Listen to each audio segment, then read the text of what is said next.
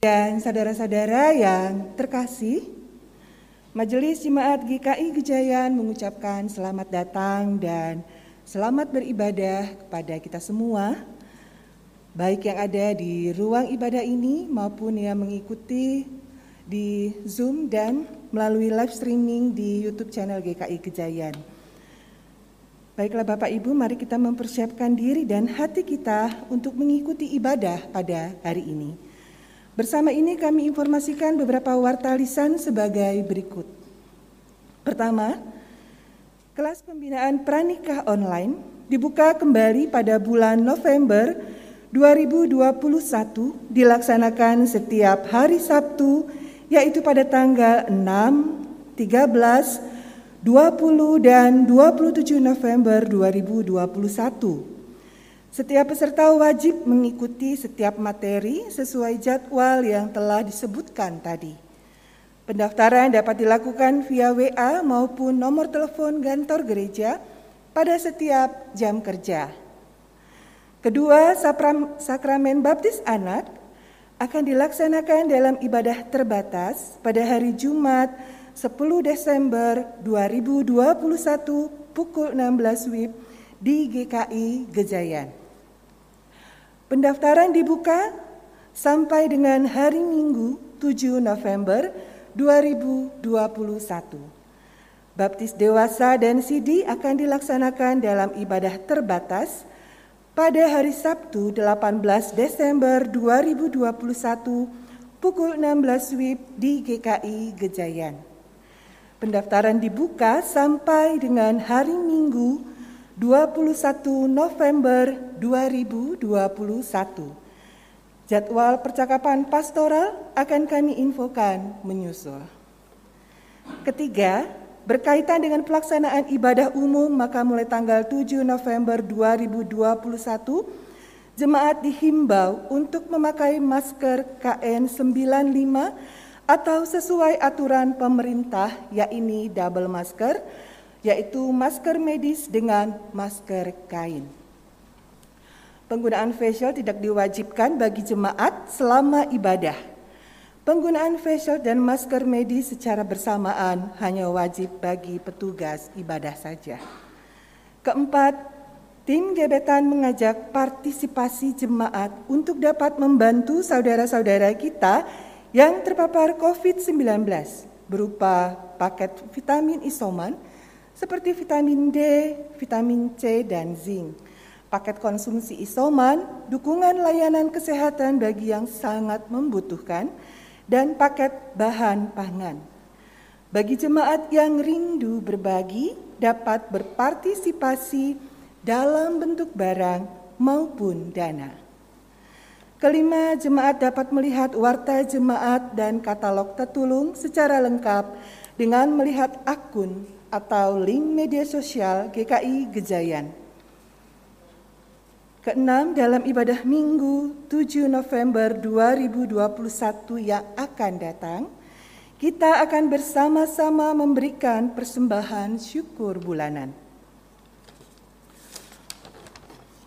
Ibadah pada hari ini dalam rangka pertukaran pelayanan kebaktian GKI Klasis Yogyakarta untuk itu mohon dukungan dan partisipasi dari jemaat sekalian untuk memberikan persembahan khusus dana kebersamaan klasis. Ibadah pada hari ini dengan tema Tulus Menerima Pelayan Firman Penatua Agatha Karis Wibisono Putra dari GKI Adi Sucipto. Bapak Ibu, sebelum kita masuk saat teduh, Mari kita saksikan video persembahan pujian dari Paduan Suara Wilayah 1.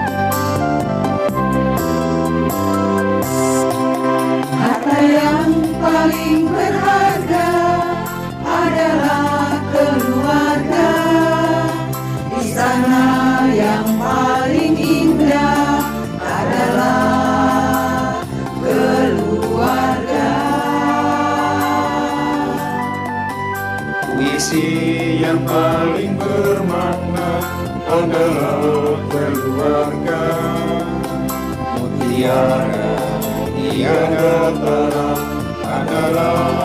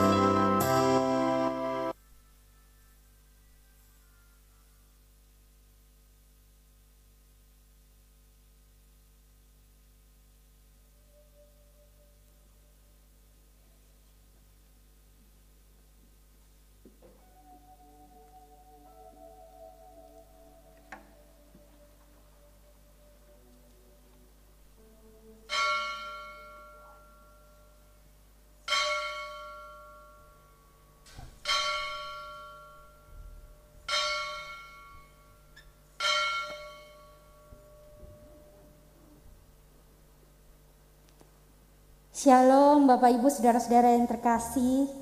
Apa kabarnya hari ini? Baik, puji Tuhan.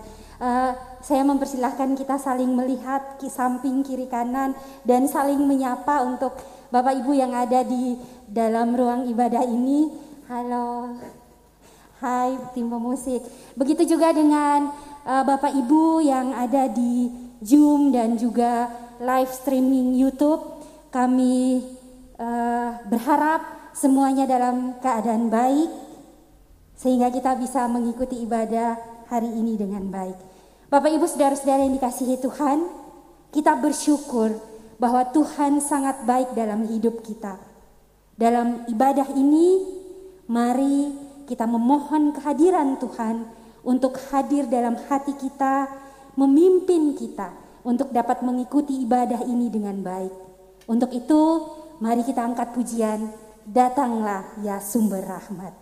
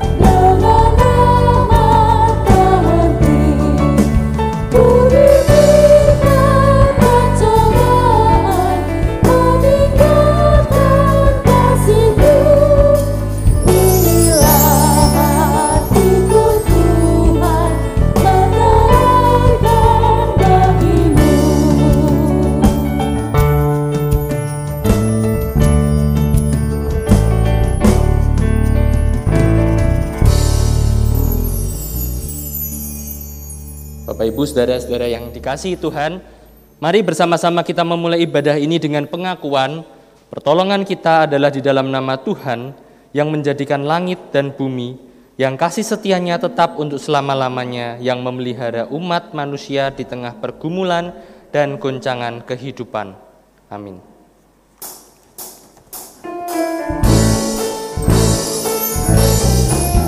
Avenu Shalom Aleichem Avenu Shalom Aleichem Avenu Shalom Aleichem Avenu Shalom Shalom Shalom Aleichem Cerita sejahtera Ku bawa berita sejahtera Ku bawa berita sejahtera Ku bawa berita, berita, berita sejahtera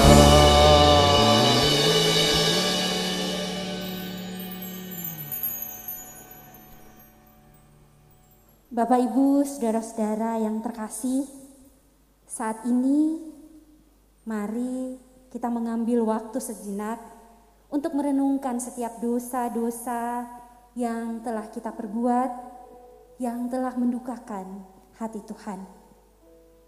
Marilah kita datang dengan sungguh merendahkan hati kita untuk memohon pengampunannya. Mari kita berdoa. Bapa yang baik, Bapa yang kami kenal di dalam Tuhan kami Yesus Kristus. Kami sungguh bangga menjadi anak-anakmu. Kami sungguh bangga akan kasihmu yang tidak berkesudahan dalam hidup kami. Namun kami juga menyadari ya Bapa bahwa dalam kami menjalani hidup ini kami sering sekali menyakiti hatimu. Kami sering mendukakan hatimu melalui perkataan kami, melalui pikiran kami, yang menyakiti hati sesama kami, dan juga bahkan menyakiti hati orang-orang terdekat kami. Pada saat ini, kami datang, ya Bapa, kami mohon ampun, kasihanilah kami. Ajar kami terus untuk melakukan apa yang Engkau kehendaki dalam hidup kami. Sehingga kami boleh tetap layak menjadi anak-anakmu. Terima kasih untuk pengampunan yang selalu Engkau berikan buat kami. Amin. Bapak Ibu, mari kita bersama-sama bangkit berdiri. Kita sudah mati walaupun hidup jika tidak diselamatkan oleh Tuhan. Dia yang menebus dan menjamin sebagaimana dalam Yeremia 33 ayatnya yang ke-8 berbunyi, Aku akan mentahirkan mereka dari segala kesalahan yang mereka lakukan dengan berdosa terhadap aku. Dan aku akan mengampuni segala kesalahan yang mereka lakukan dengan berdosa dan dengan memberontak terhadap aku. Demikianlah berita anugerah dari Tuhan.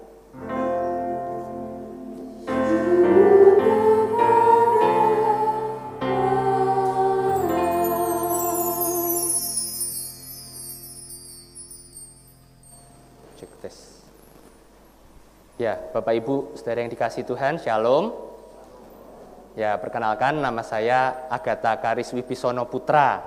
Ya, bagi cowok-cowok kalau sudah melihat warta namanya Agatha, terus munculnya kayak gini jangan kecewa ya. Ada putranya soalnya, mungkin ini ya, tidak membaca komplit, ada putranya. Ya Bapak Ibu, eh, dalam rangka pertukaran pelayan firman ke klasis Jogja pada hari ini, saya calon pendeta dari GKI Adi Sucipto menyampaikan salam dari kami di GKI Adi Sucipto pada jemaat di GKI Kejayan. Ya, Bapak Ibu, eh, yang di rumah secara khusus yang di Zoom juga maupun yang di sini, hari ini kita berada di pekan kelima sekaligus yang terakhir dalam masa penghayatan hidup berkeluarga. Simbol mat, simbol bunga matahari yang tadi dibawa oleh penatua adalah simbol ketulusan. Satu kata yang perlu dihadirkan di antara realita kehidupan berkeluarga, di mana setiap orang tidak sempurna dalam kesempurnaannya. Berbicara mengenai saya akan berdialog dengan perwakilan jemaat, yaitu Bapak dan Ibu Sembiring. Shalom, apa kabar Bapak Ibu Sembiring?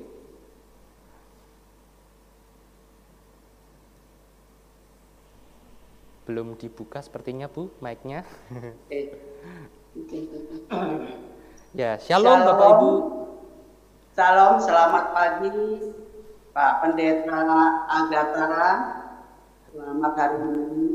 Selamat hari Minggu. Ya, bagaimana Bapak dan Ibu Sembiring memahami dan menghidupi ketulusan menerima? Iya, saya akan coba, kami akan mencoba menjawab. Eh, kami su- sudah menikah selama 47, 47 tahun lebih Wow. dan dikaruniai anak empat orang dan cucu empat orang. Eh, menurut kami menerima ataupun kesetiaan adalah menerima ketidaksempurnaan pasangan karena eh, kami dari latar belakang yang berbeda saya dari Jawa sedangkan suami saya adalah dari suku Batak yang tentunya berbeda karakter yang jauh ya. Tapi eh, kami semua dalam perjalanan pernikahan yang sudah 40, 47 tahun eh, kami sudah bisa menerima kekurangan dan ketidaksempurnaan suami istri Eh, karena kami menyadari bahwa kami dipertemukan selama lima tahun kami berpacaran, kemudian menikah selama 47 tahun. Tentu banyak perbedaan-perbedaan yang eh, kami alami selama sekian tahun, tetapi puji Tuhan karena kami dipertemukan oleh Tuhan, diikat dalam pernikahan oleh Tuhan, kami sampai saat ini masih setia di dalam janji nikah kami. Salah satu contoh misalnya eh, keperbedaan itu kadang-kadang eh, tidak sependapat di dalam eh, misalnya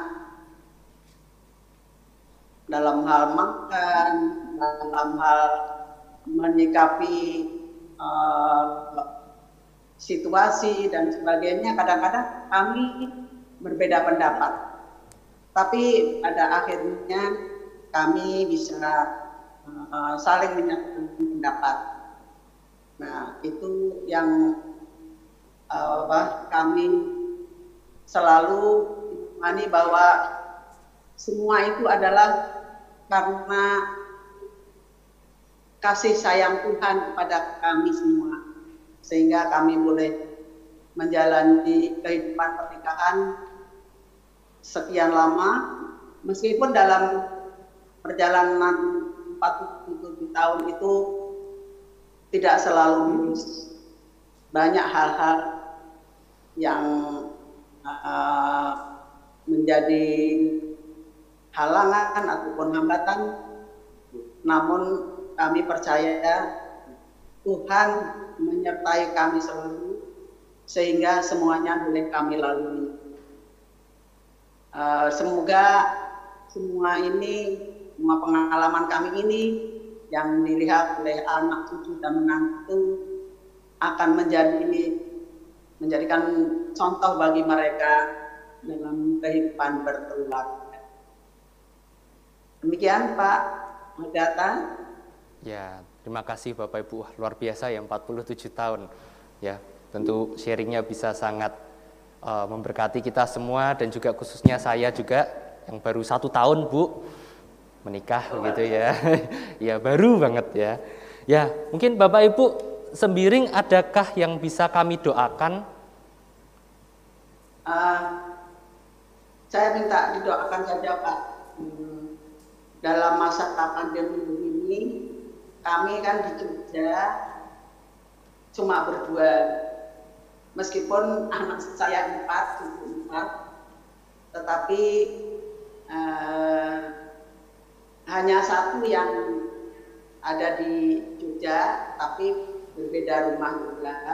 Yang anak saya yang tiga di luar kota. Jadi mohon didoakan agar meskipun kami berdua, Tuhan tetap memberkati kami semua memberkati anak cucu menantu di mana pun mereka berada. Terima kasih Pak Pendeta. Baik Bapak Ibu, ya akan kita doakan dalam doa syafaat nanti ya.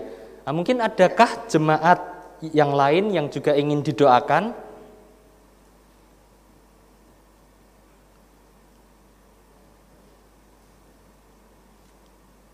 Adakah?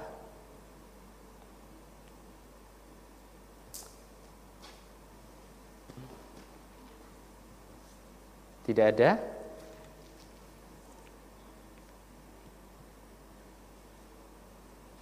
Tidak ada ya, baik. Ya, Bapak Ibu Saudara yang dikasih Tuhan, mari bersama-sama kita masuk dalam doa pelayanan firman. Bapak Ibu Saudara-saudara yang terkasih, minggu ini merupakan minggu terakhir di mana kita menghayati masa penghayatan hidup berkeluarga. Namun hendaknya dalam keseharian kita kita bisa bersama-sama dengan segenap keluarga kita tetap hidup saling mengasihi, saling mengampuni serta bersatu hati melayani.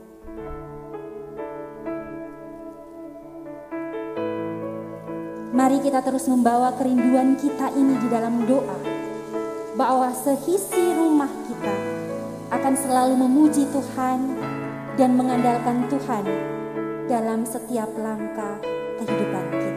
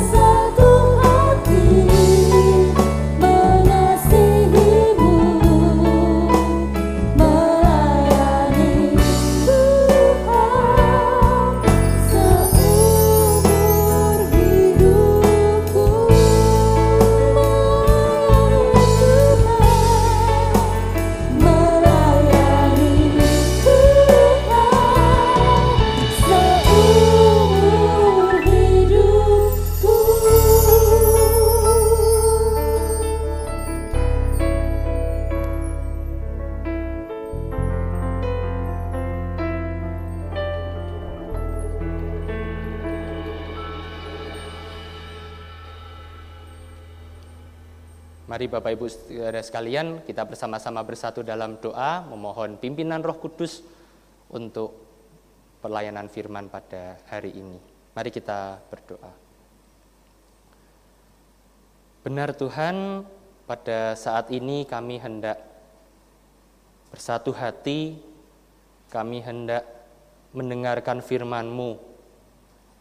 Kami rindu Tuhan untuk belajar dari firman-Mu. Maka dari itu perkenankan kami ya Bapa untuk kami mendengarkan suaramu, agar kami boleh terus memperkaya serta memperlengkapi kehidupan kami melalui firman Tuhan yang akan disampaikan nanti. Tuhan juga berikan hambamu ini hikmat untuk menyampaikan serta belajar bersama-sama di tempat ini ya Bapak. Terima kasih Tuhan, kami sudah siap untuk membaca dan merenungkan firman-Mu. Hanya dalam namamu saja kami sudah bersyukur dan berdoa. Amin.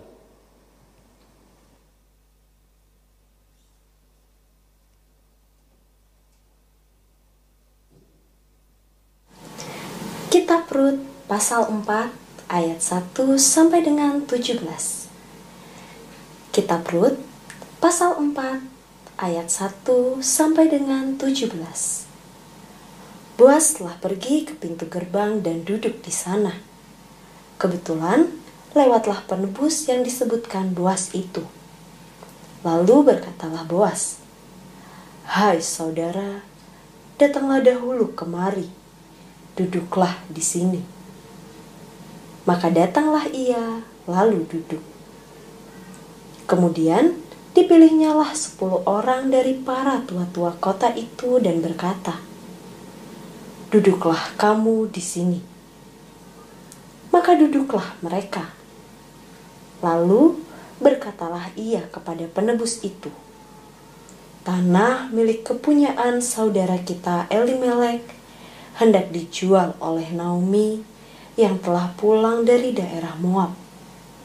Jadi pikirku, baik juga hal itu kusampaikan kepadamu sebagai berikut. Belilah tanah itu di depan orang-orang yang duduk di sini dan di depan para tua-tua bangsa kita. Jika engkau mau menebusnya, tebuslah. Tetapi jika engkau tidak mau menebusnya, beritahukanlah kepadaku supaya aku tahu. Sebab tidak ada orang yang dapat menebusnya kecuali engkau dan sesudah engkau aku. Lalu berkatalah ia, Aku akan menebusnya. Tetapi kata Boas, pada waktu engkau membeli tanah itu dari tangan Naomi, engkau memperoleh Ruth juga, perempuan Moab istri orang yang telah mati itu untuk menegakkan nama orang itu di atas milik pusakanya. Lalu berkatalah penebus itu, "Jika demikian, aku ini tidak dapat menebusnya, sebab aku akan merusakkan milik pusakaku sendiri. Aku mengharap engkau menebus apa yang seharusnya aku tebus." sebab aku tidak dapat menebusnya. Beginilah kebiasaan dahulu di Israel dalam hal menebus dan menukar. Setiap kali orang hendak menguatkan sesuatu perkara, maka yang seorang menanggalkan kasutnya sebelah dan memberikannya kepada yang lain. Demikianlah caranya orang mensahkan perkara di Israel. Lalu penebus itu berkata kepada Boas, "Engkau saja yang membelinya." Dan ditanggalkannya lah kasutnya. Kemudian berkatalah Boas kepada para tua-tua dan kepada semua orang di situ, "Kamulah pada hari ini menjadi saksi bahwa segala milik Elimelek dan segala milik Kilion dan Mahlon aku beli dari tangan Naomi.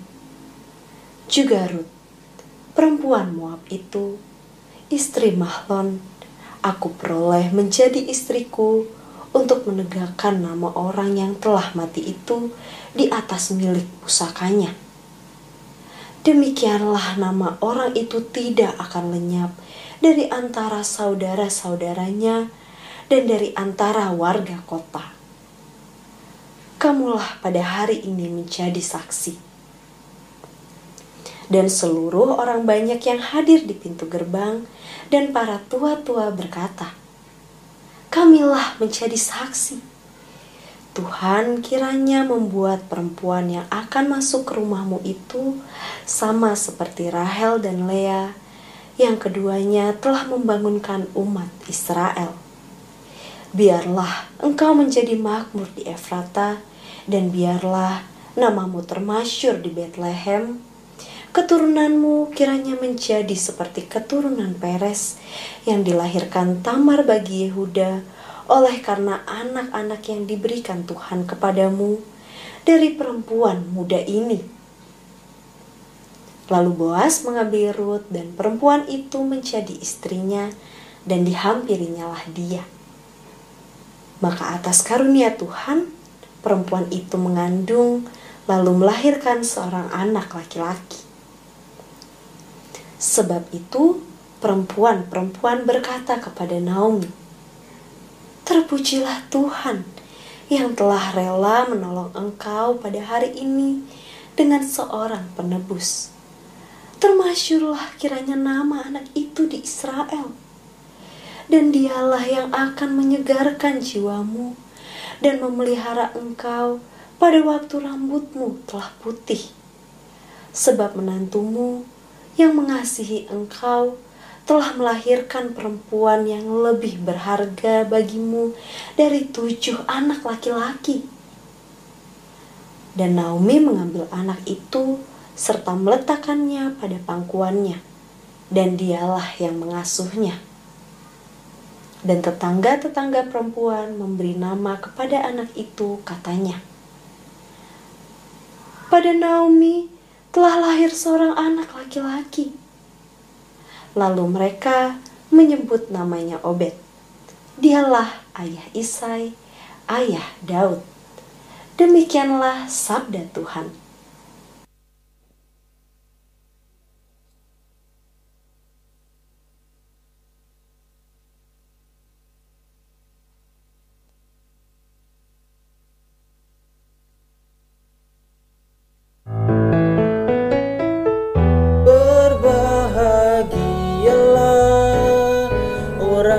Bercelah hidupnya Yang hidup menurut Taurat Tuhan.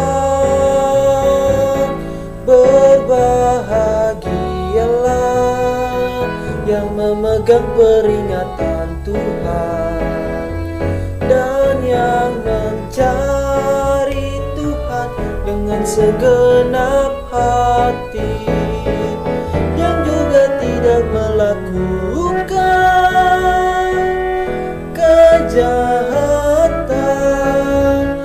tetapi yang hidup menurut jalan yang ditunjukkan oleh Tuhan. Engkau sendiri menyampaikan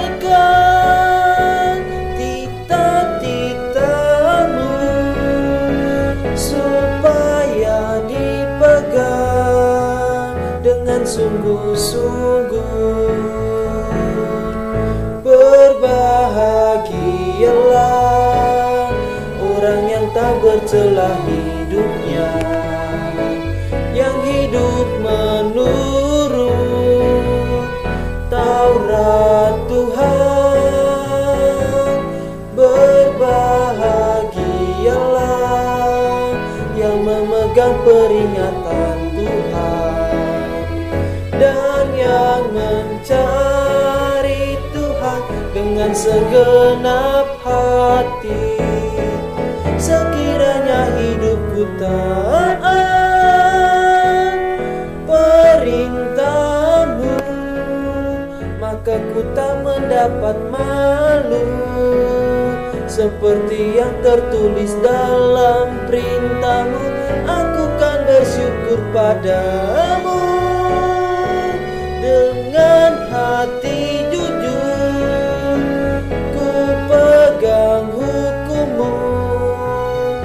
jangan tinggalkanku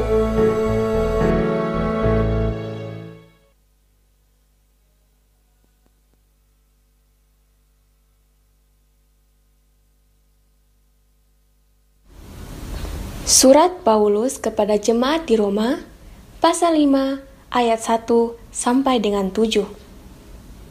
Surat Paulus kepada jemaat di Roma, pasal 5 ayat 1 sampai dengan 7.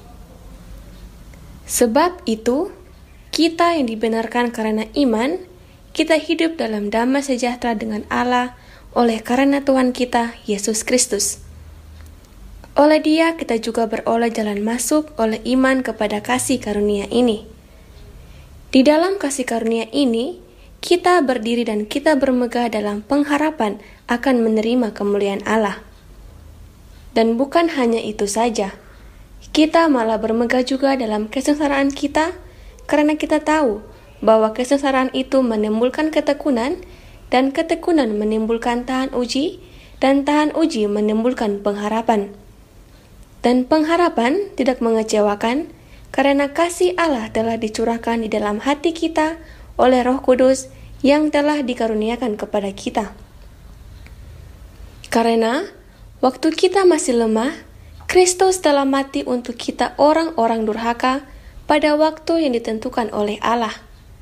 Sebab tidak mudah seorang mau mati untuk orang yang benar, tetapi mungkin untuk orang yang baik ada orang yang berani mati. Demikianlah firman Tuhan. Berbahagialah setiap orang yang menerima firman Tuhan, menyimpan dalam hati, dan melakukannya dalam hidup setiap hari. Haleluya!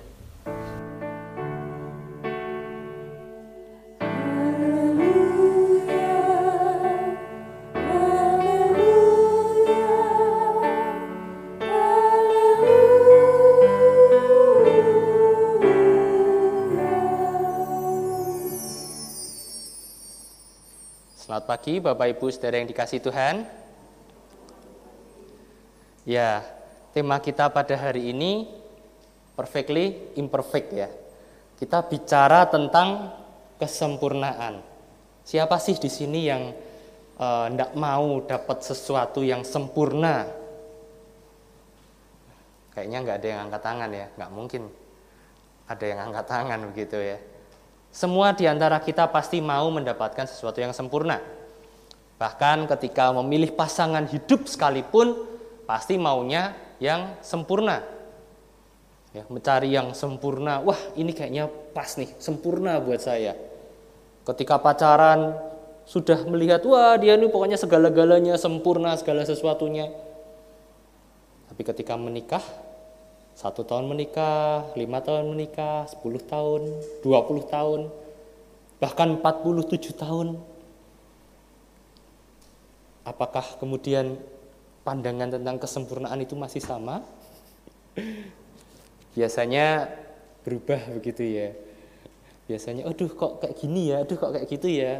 Ada banyak sekali kejutannya di dalam dunia pernikahan.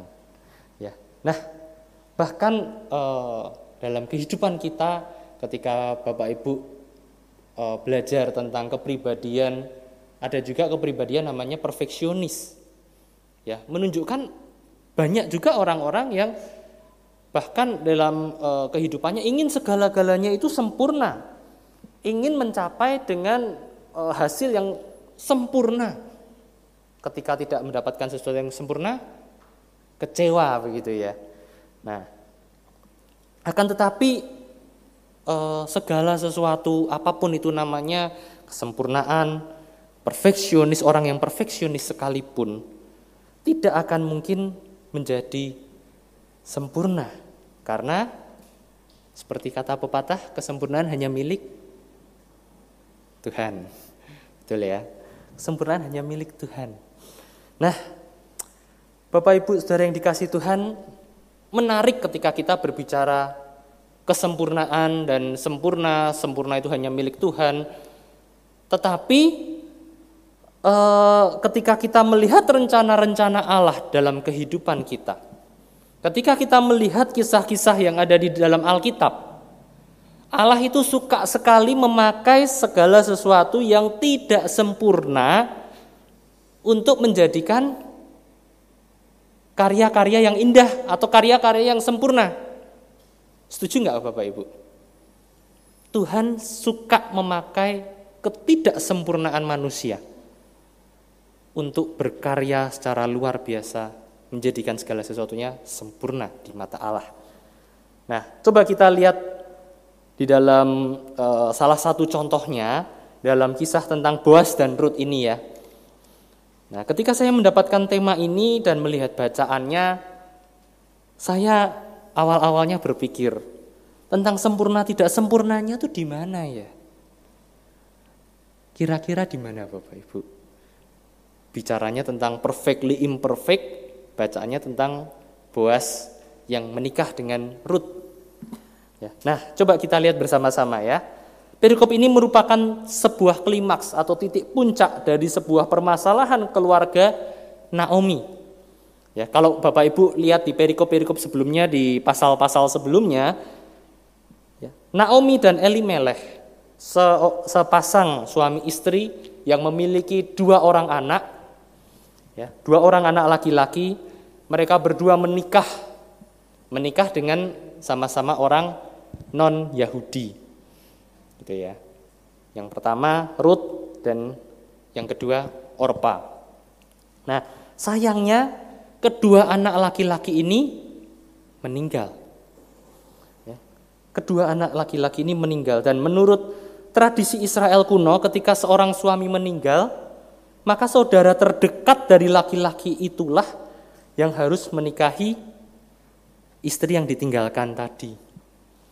Ya. Nah, tampaknya Kisah ini sebetulnya kalau kita lihat secara uh, kita perhatikan lebih lagi, ini juga merupakan salah satu kisah percintaan di dalam Alkitab yang ya sebetulnya cukup romantis lah ya. Ruth dan Boas.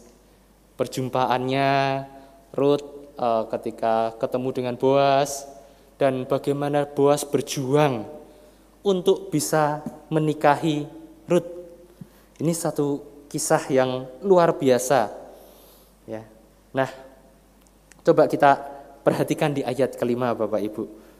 Tetapi kata Boas, pada waktu engkau membeli tanah itu dari tangan Naomi, engkau memperoleh Ruth juga perempuan Moab, istri orang yang telah mati itu untuk menegakkan nama orang itu di atas milik pusakanya.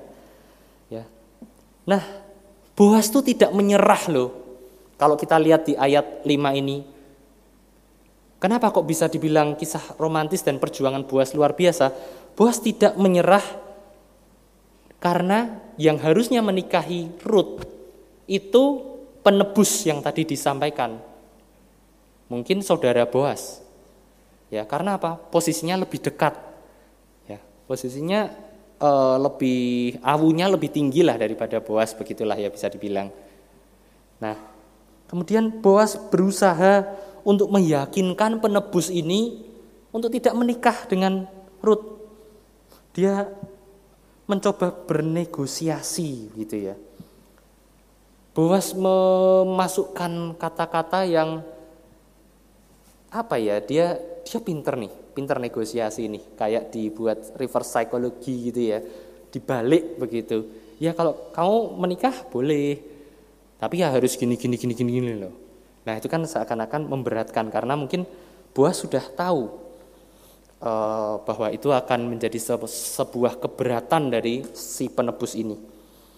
Sehingga pada akhirnya Boas menikahi Ruth. Nah kisah ini pun memiliki happy ending. Mereka berdua dikaruniai anak bernama Obed yang kemudian menjadi kakek dari Daud dan menjadi nenek moyang Yesus. Ya. Nah, Bapak Ibu yang dikasihi Tuhan, jika kita kembali ke tema kita tadi, perfectly imperfect. Artinya ketidaksempurnaan yang sempurna. Atau bahasa Jawanya itu orang sempurna belas. Kira-kira apa hubungannya dengan kisah ini? Nah, kita bisa melihat melalui kisah ini ada banyak sekali ketidaksempurnaan. Ya, ada banyak sekali ketidaksempurnaannya. Dalam konteks budaya Yahudi kuno, menjadi seorang janda ditinggal mati suaminya itu bisa dibilang aib begitu ya. Bisa dibilang bahkan dikutuk. Nah, apalagi Naomi ini sudah suaminya meninggal, anak dua cowok meninggal, menyisakan tiga orang janda di rumah. Nah, Naomi hendak pulang ke kampungnya, tetapi Ruth ingin ikut. Ruth pengen uh, memaksa untuk ikut, bahkan rela meninggalkan kampung halamannya. Ruth ini adalah orang Moab, orang asing, orang non-Yahudi. Bisa dikatakan orang kafir gitu ya bagi bangsa Yahudi. Tidak percaya Allah pada waktu itu sebelumnya. Akan tetapi dia mau menerima Naomi, kemudian melanjutkan hidup bersama. Ini juga menarik ya Bapak Ibu ya. Karena apa? Biasanya agak sulit kan ya mertua perempuan dan juga menantu perempuan. Mama mertua dan anak menantu perempuan satu rumah akur banyak atau jarang? Banyak atau jarang Bapak Ibu? Banyak ya. Kalau di sini mungkin banyak. Ya, tetapi di luar sana desas-desusnya begitu. Desas-desusnya sulit untuk akur. Nah, tapi di sini mencontohkan sesuatu yang luar biasa juga. Mereka berdua bisa akur, mereka berdua bahkan sangat dekat penerimaan Ruth akan ketidaksempurnaan keluarga Naomi membawa Ruth juga menjadi satu-satunya orang non-Yahudi, wanita lagi, untuk menjadi nama kitab diangkat kisahnya, dituliskan di dalam Alkitab. Dan segala ketidaksempurnaan perjalanan mereka juga ternyata membawa pada sebuah akhir yang lebih indah.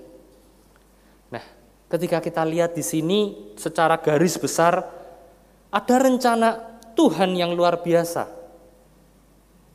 Ada rencana Tuhan yang sempurna. Tuhan punya maksud. Ya, ada orang dari non-Yahudi yang menjadi nenek moyang Yesus. Yang pada masa itu perkawinan campur atau kemurnian darah itu menjadi sesuatu yang sangat penting. Ya, menjadi sesuatu yang utama sekali. Di sini Allah seakan ingin menyampaikan ya itu bukan sesuatu yang esensial di dalam keselamatan gitu ya. Nah, di dalam dunia ini tidak ada yang sempurna. Tetapi Allah mau memakai segala ketidaksempurnaan, bahkan dalam konteks uh, Yahudi kuno, orang Yahudi, orang non Yahudi pun dipakai sebagai alat Tuhan untuk menyatakan keselamatan bagi manusia. Tuhan juga tahu kok kita nggak sempurna. Tuhan juga tahu kok berbagai kelemahan kita, berbagai kerapuhan kita. Apa yang menjadi titik paling lemah di dalam kehidupan kita? Tuhan tahu. Tidak perlu kita, waduh Tuhan, aku nggak bisa ini, aku nggak bisa itu. Karena apa? Ya Tuhan sudah tahu. Ya, Tuhan sudah tahu. Nah, tetapi luar biasanya Tuhan tuh masih percaya loh pada kita. Tuhan tuh masih percaya pada Anda sekalian. Tuhan masih mau memakai Anda, Anda ini, memakai kita, memakai saya untuk melayani Tuhan. Untuk menjadi berkat bagi orang di sekitar kita, bagi keluarga kita. Ya.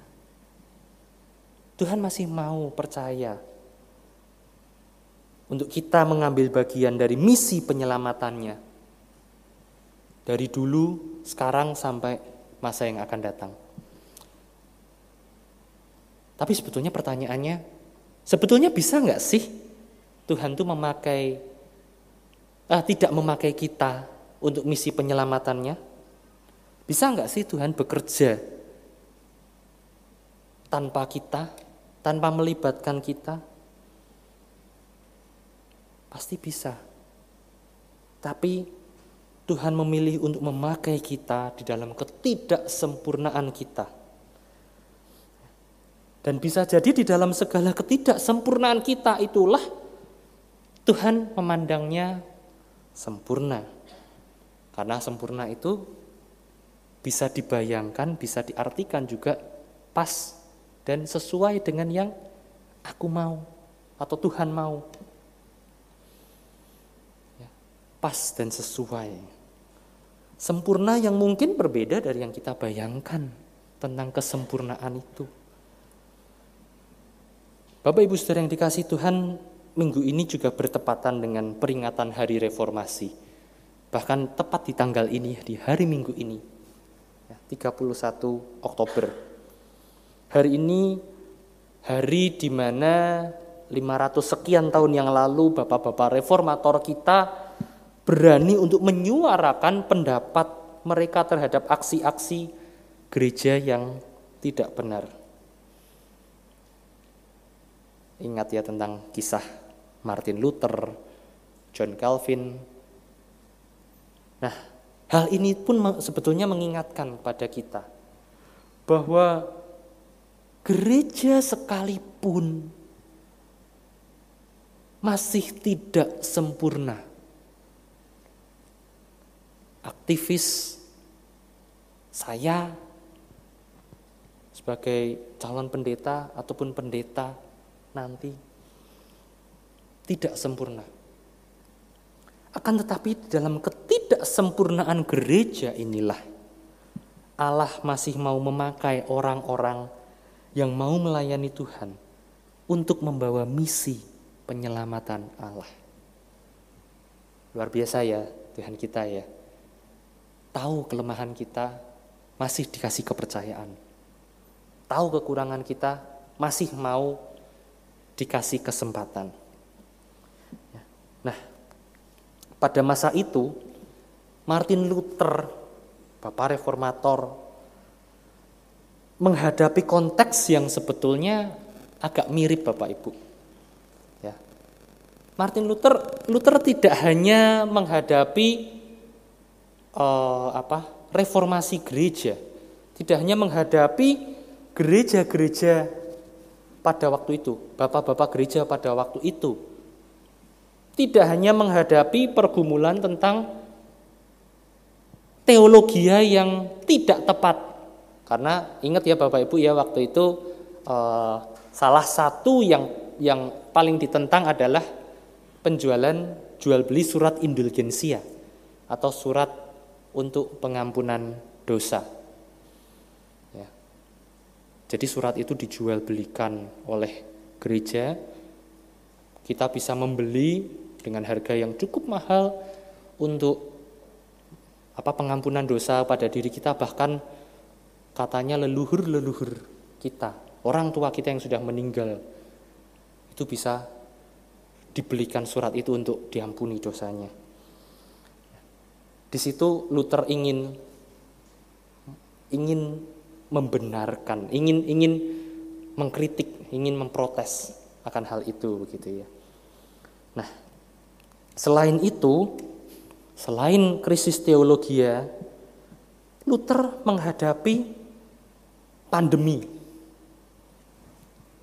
Pandemi apa Bapak Ibu? Ada yang tahu?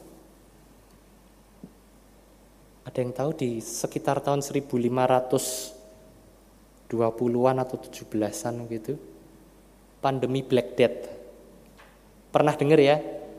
Wabah pes yang menyerang Eropa. Ya. Ada banyak sekali korbannya wabah pes itu. Bahkan anak Martin Luther sendiri terpapar pes itu meskipun pada akhirnya sembuh. Ya. Sama nih situasinya sama-sama pandemi.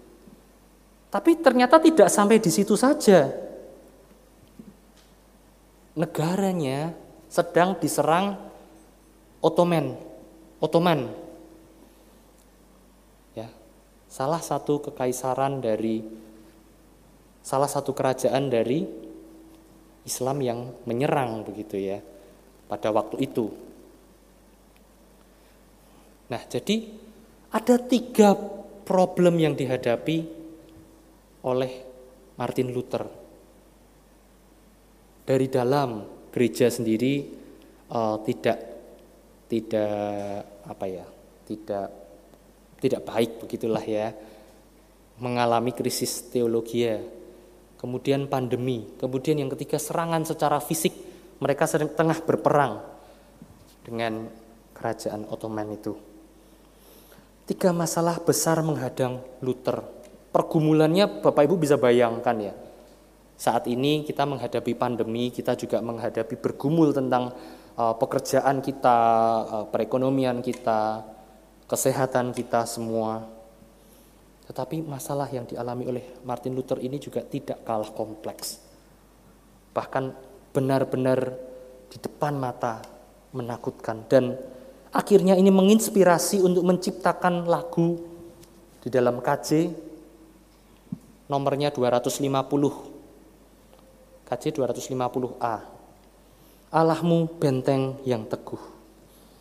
Ya, kita ketika kita tahu konteks ini kita bisa merasakan ketakutan Luther dan iman Luther akan Allah yang menjaga dan melindunginya. Kita bisa merasakan pergumulan dalam kehidupan kita. Itu kita punya satu titik poin yang sama. Sama-sama hatinya susah. Sama-sama kehidupan kita ini tidak ada yang sempurna. Sama-sama tidak mulus. Kayak salah salah satu iklan ya, life is never flat tidak pernah lurus, bergelombang. Ada naik turunnya. Tapi percayalah bahwa di dalam segala ketidaksempurnaan kita, dalam segala ketidaksempurnaan keluarga Anda, mungkin Anda memiliki orang tua yang tidak sesuai dengan bayangan Anda, atau memiliki anak yang, aduh kok gini banget sih. Tetapi di melalui ketidaksempurnaan itulah Allah membalut. Allah merangkai menjadi sebuah karya yang indah. Dan apa pun pergumulanmu, percayalah Allah itu kota benteng kita, kota bentengmu yang teguh yang mau memakai kita dalam ketidaksempurnaan kita. Yang menjadi pertanyaan, mau nggak sih di dalam ketidaksempurnaan kita, kita dipakai Tuhan untuk melayani Tuhan, untuk melayani keluarga, untuk melayani orang tua, atau bahkan untuk melayani anak, melayani saudara kita melayani bukan berarti kemudian ngambilin makan terus ngantar ke sana ke sini. Nggak cuman begitu ya. Melayani dengan mengasihi. Mau nggak sih dipakai Tuhan menjadi berkat di dalam keluarga kita? Tuhan juga tahu kok tidak ada orang yang sempurna. Mari Bapak Ibu kita menghayati lagu ini kita mau menyanyikan di bait yang pertama dan yang ketiga ya. Kita nyanyikan bersama-sama, kita bersama-sama menghayati lagu ini. Allahmu benteng yang teguh.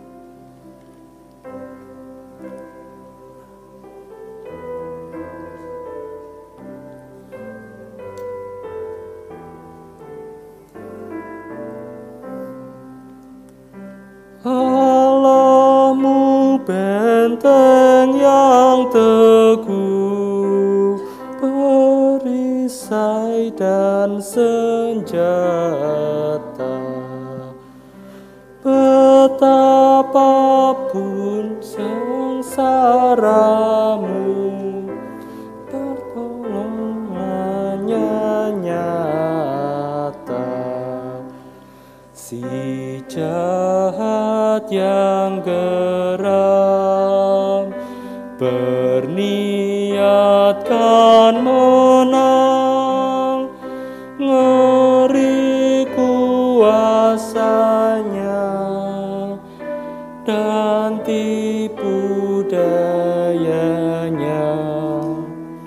Di bumi tak bertara. Bait yang ketiga setan dunia yang mau menumpas kita. Jangan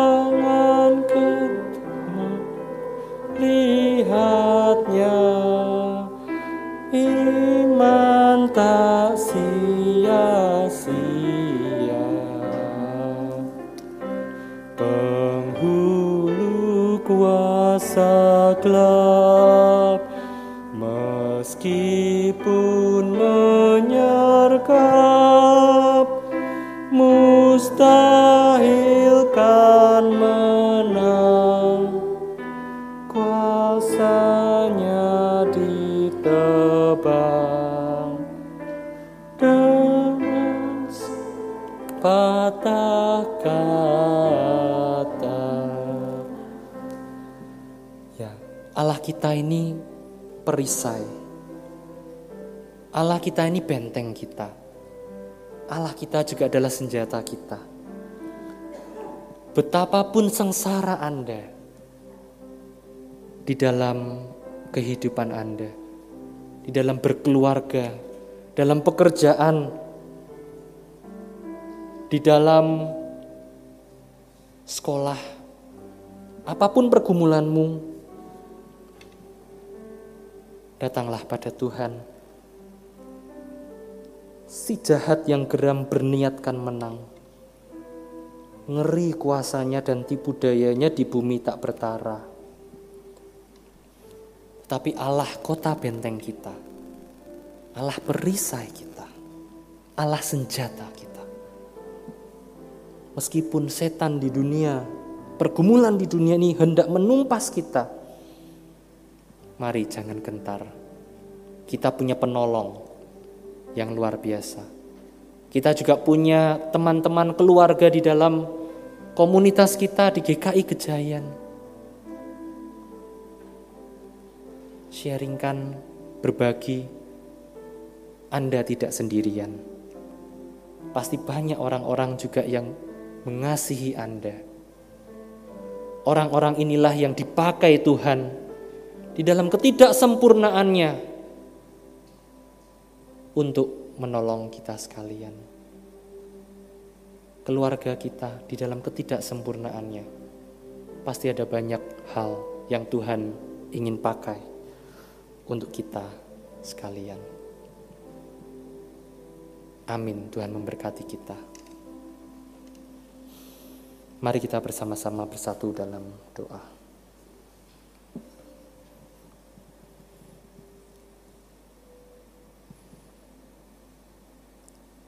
Saya memberikan kesempatan bagi Bapak, Ibu, Saudara sekalian untuk berdoa secara pribadi kepada Tuhan. Sampaikan ketidaksempurnaanmu, sampaikan keluh kesahmu, dan juga sampaikan rasa syukurmu.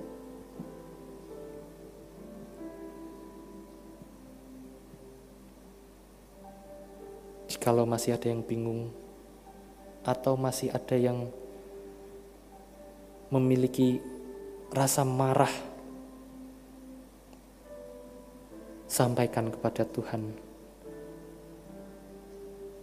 Karena dialah kota benteng kita. Tuhanlah perisai kita.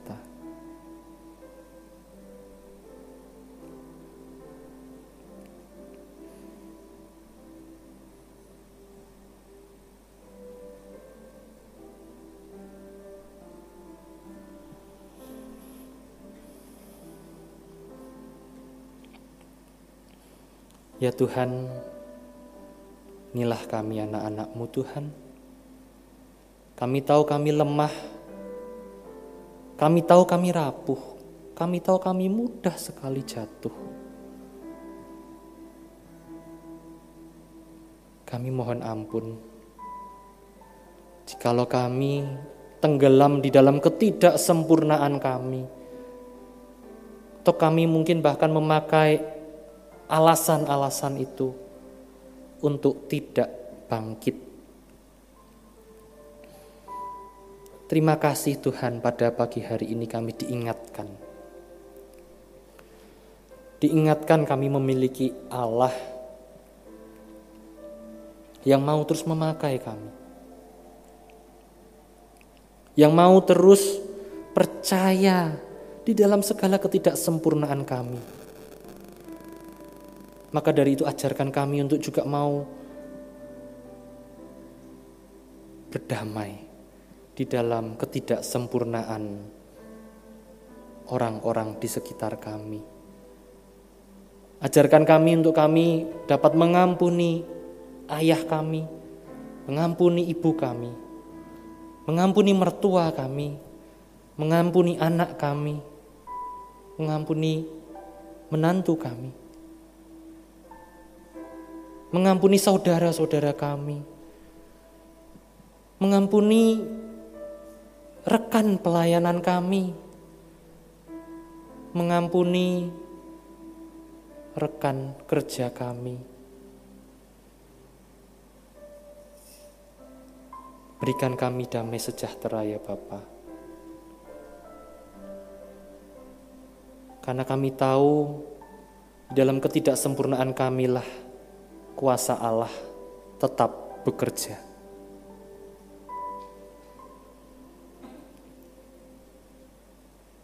Terkhusus di dalam setiap pergumulan kehidupan kami ya Bapa. Di dalam setiap kesulitan-kesulitan, kesengsaraan yang kami hadapi pada saat ini. Kami mohon hikmat Tuhan, kekuatan dari Tuhan. Untuk kami boleh terus melayani Tuhan, menjadi berkat, dipakai Tuhan. Terkhusus Tuhan kami berdoa untuk setiap pergumulan kehidupan kami,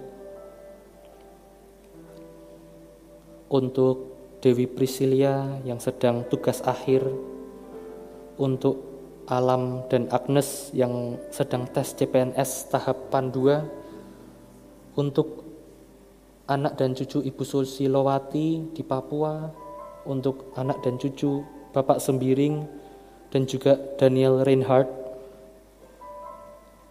Bersyukur untuk setiap fase kehidupan yang sudah mereka alami. Dan Tuhan dengarkan harapan mereka Berikan mereka hikmat untuk mereka boleh menjalani melewati kehidupan mereka. Baik itu yang mau tugas akhir maupun tes CPNS mencari kerja ataupun studi mereka. Kami juga berdoa Tuhan untuk kepanitiaan masa raya Natal, dan jemaat atau simpatisan yang terlibat di dalamnya. Biarlah kami bersama-sama boleh menghayati kehadiran kelahiran Kristus dalam dalam dunia ini. Biarlah melalui panitia aktivis yang terlibat di dalamnya kami bersama-sama boleh memperingati kelahiran Tuhan Yesus. Kami juga berdoa Tuhan untuk pergumulan sahabat kami yang sakit ataupun dalam pergumulan lainnya untuk Tri Margana, Tuhan yang tahu problem dan pergumulan dia. Kami menyerahkan ya Bapa, Tuhan yang memberikan kekuatan untuk memampukan saudara kami ini untuk terus melangkah bersama dengan Tuhan. Kami juga mengucap syukur untuk berkat kesehatan maupun pertambahan usia ataupun pekerjaan kami terkhusus untuk Saskia Prinosa dan juga Bapak Sembiring, Bapak Ibu Sembiring. Tuhan yang sudah menjaga kehidupan mereka. Kami percaya Tuhan sendiri juga terus merangkul, terus menggandeng mereka. Juga untuk sahabat-sahabat kami yang lain yang tidak dapat kami sebutkan satu persatu. Oh Tuhan,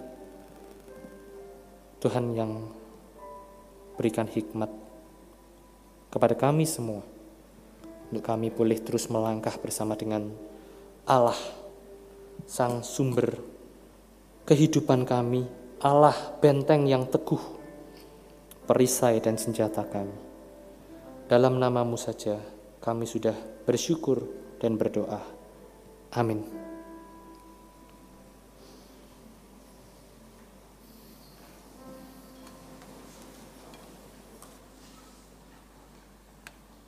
Bapak, Ibu, dan saudara-saudara yang terkasih, mari kita bersama-sama mengikrarkan pengakuan iman kita.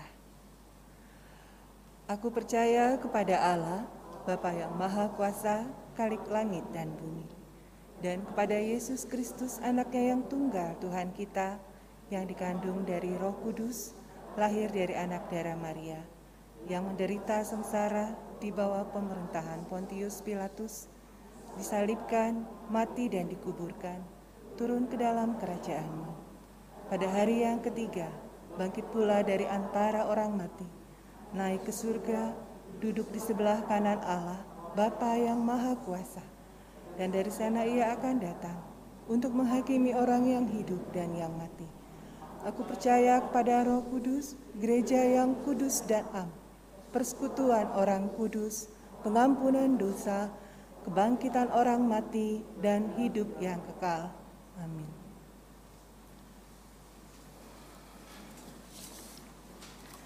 Bapak, Ibu, dan saudara-saudara yang terkasih, saatnya kita akan mengumpulkan persembahan syukur kita.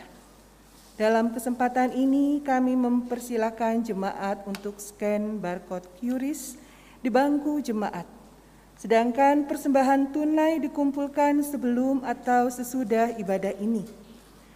Mari Bapak Ibu dan saudara-saudara terkasih kita mengumpulkan persembahan kita sambil mengingat firman Tuhan yang tertulis di dalam Yunus 2 pasal 9. Tetapi aku dengan ucapan syukur akan kupersembahkan korban kepadamu. Apa yang kunazarkan akan kubayar Keselamatan adalah dari Tuhan. Mari Bapak Ibu kita memberikan persembahan.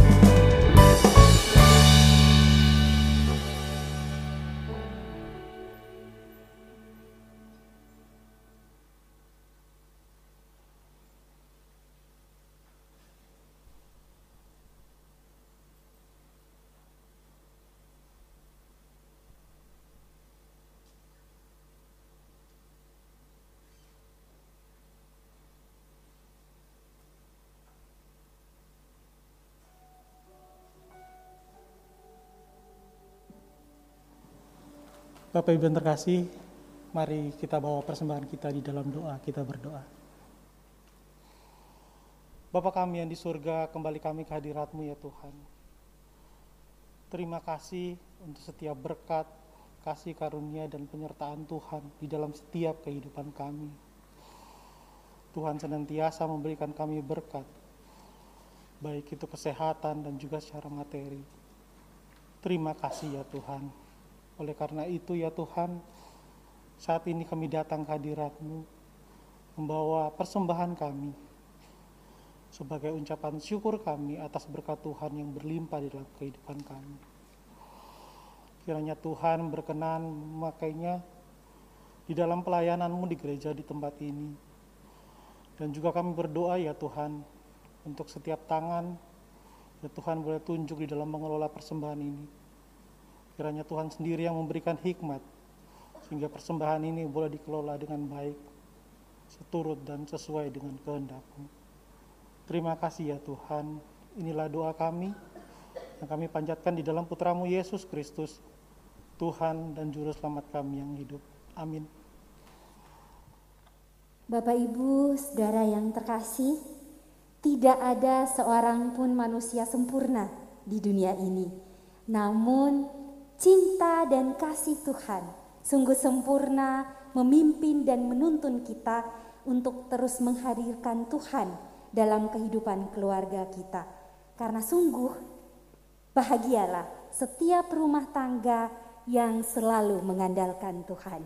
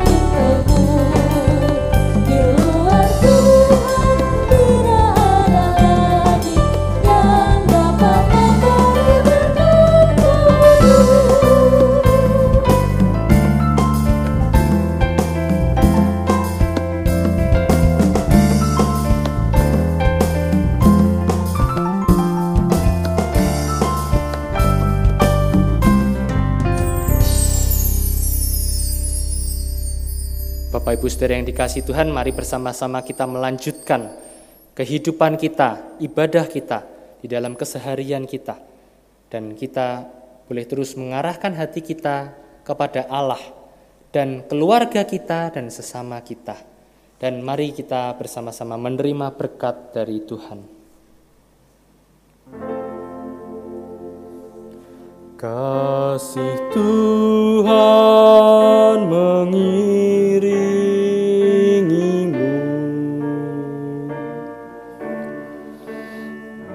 sayapnya melindungimu.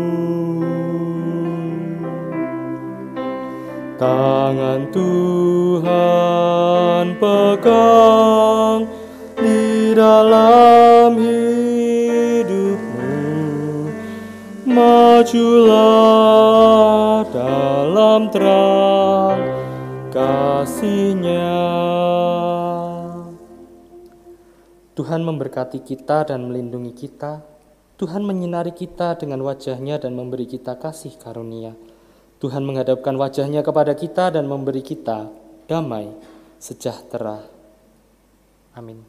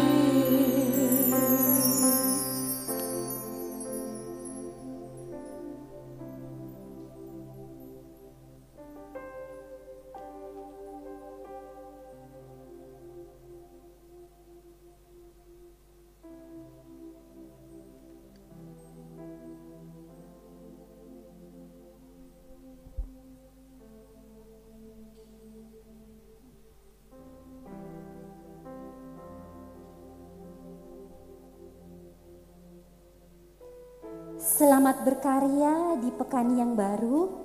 Tuhan Yesus memberkati. Bapak Ibu yang berada di ruang ibadah ini, di ruang Galilea dan Roma, serta Taman Eden, mohon berkenan tetap duduk sambil menunggu arahan Aser untuk keluar. Bapak Ibu yang di YouTube yang ingin mengikuti fellowship bersama pendeta, penatua dan pembina dapat bergabung di link Zoom, Zoom yang tersedia